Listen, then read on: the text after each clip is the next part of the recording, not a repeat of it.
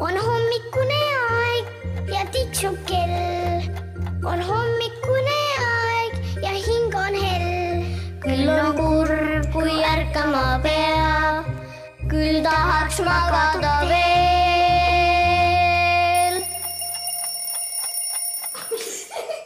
ja hommikujutt algab taas, kõik, kes seal on tekkide alla varbaid liigutama ja kuulama meid.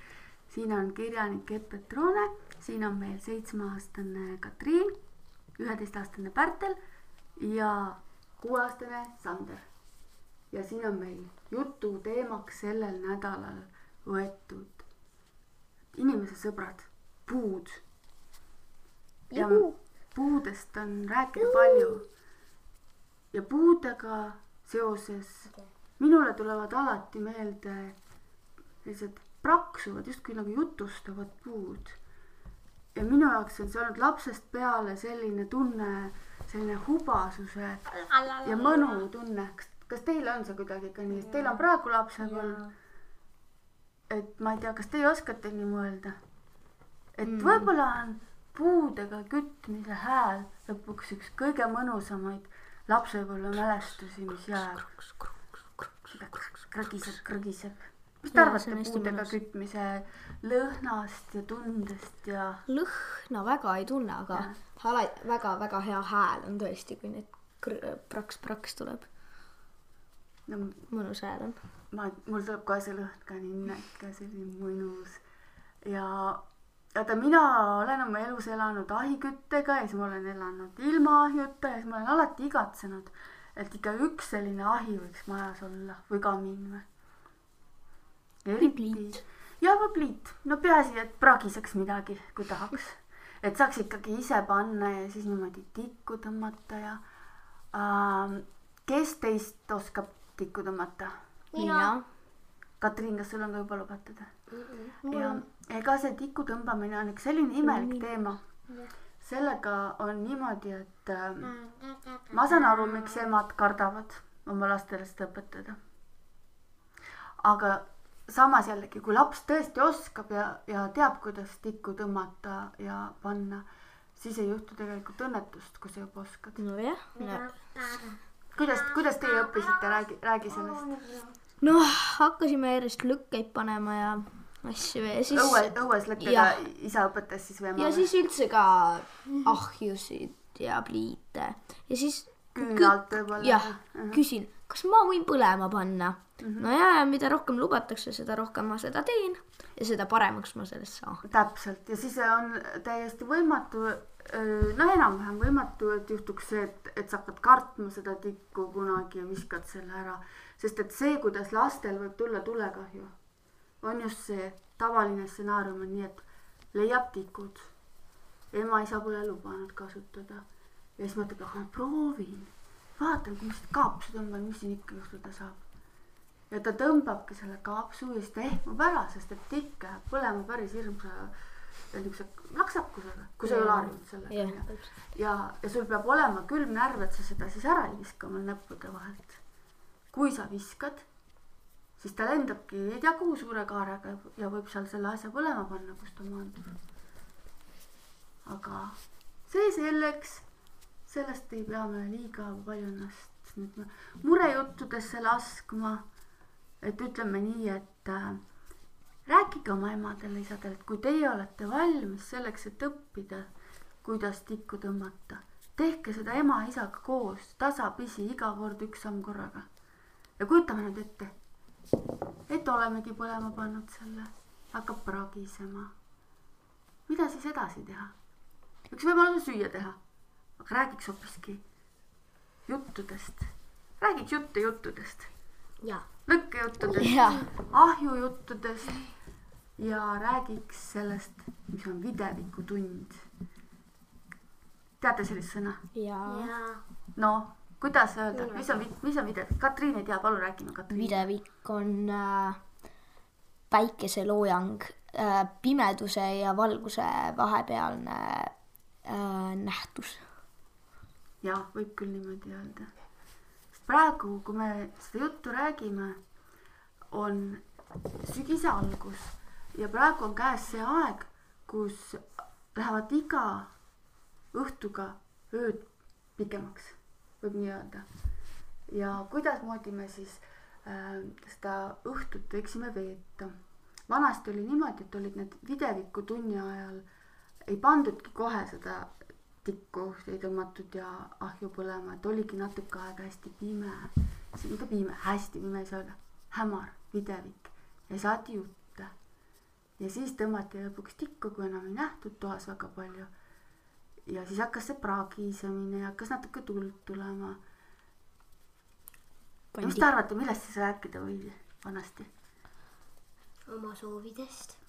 oma päevast. ilmselt küll jah mina olen kuulnud seda, et vanasti oli niimoodi, kujuta ette, selline suur tuba, nagu me praegu siin räägime, et võib-olla kuulete siin natukene seda, isegi üks unine sügisene kärbes siin veel põristab ringi vahepeal ja, ja sellised äh, taluhääled. ja samasuguses suures toas elati ka mitusada aastat tagasi.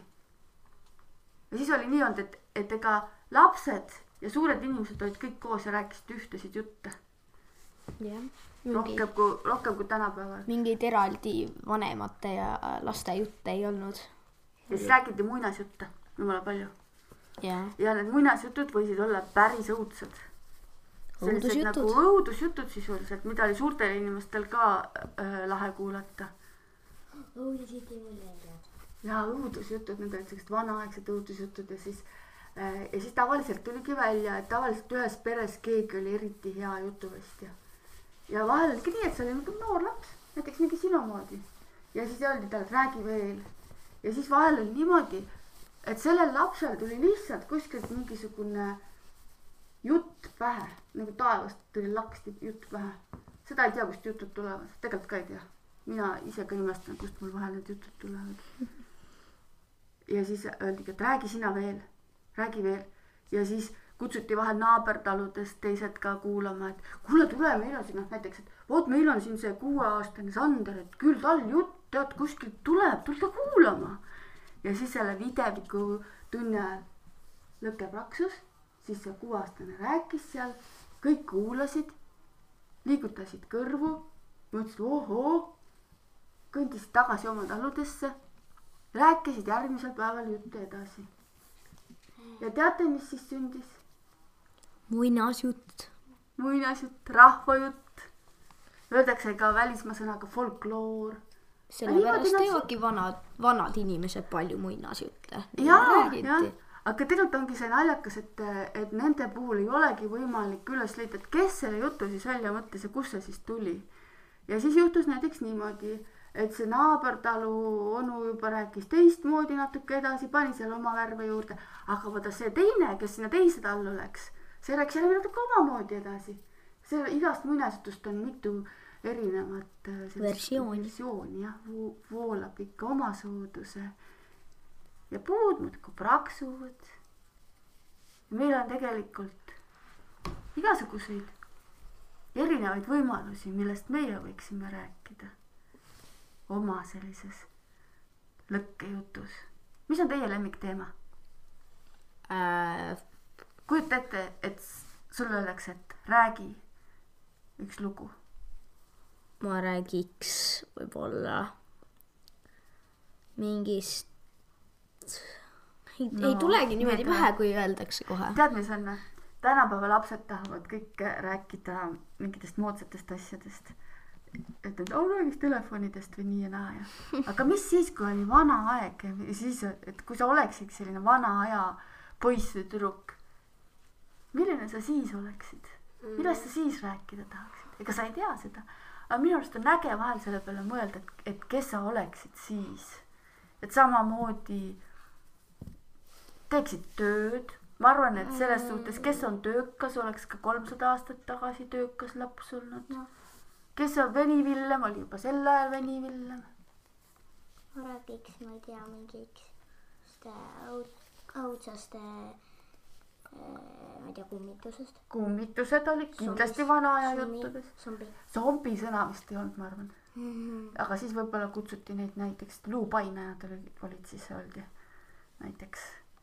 õudusunenäod. ja need olid kindlasti ka olemas sellal, aga ma millegipärast arvan, et neid oli vanasti vähem.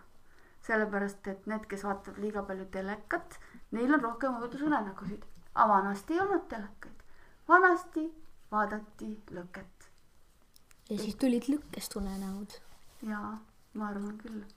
mul on ka tegelikult äh, üks mõte, mille mina pakuksin välja meile selliseks jutuks ja, ja aga seda ma räägin teile homme.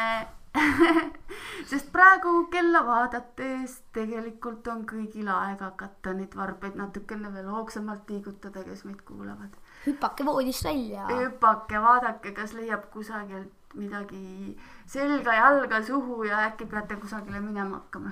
pange ri- riidesse ja siis sööge äh, enda hommikusöök ära ja siis on hästi lõbus mingi lasteaed ja siis on hästi tore. ja äkki lähevad kooli jah, või siis kooli. või siis Jah. tööle. või vanaema juurde või reisile, igatahes ala, alakupäev. jah. On hommikune aeg ja tiksub kell. on hommikune aeg ja hing on hell. küll on kurb, kui ärkama pea. küll tahaks magada veel.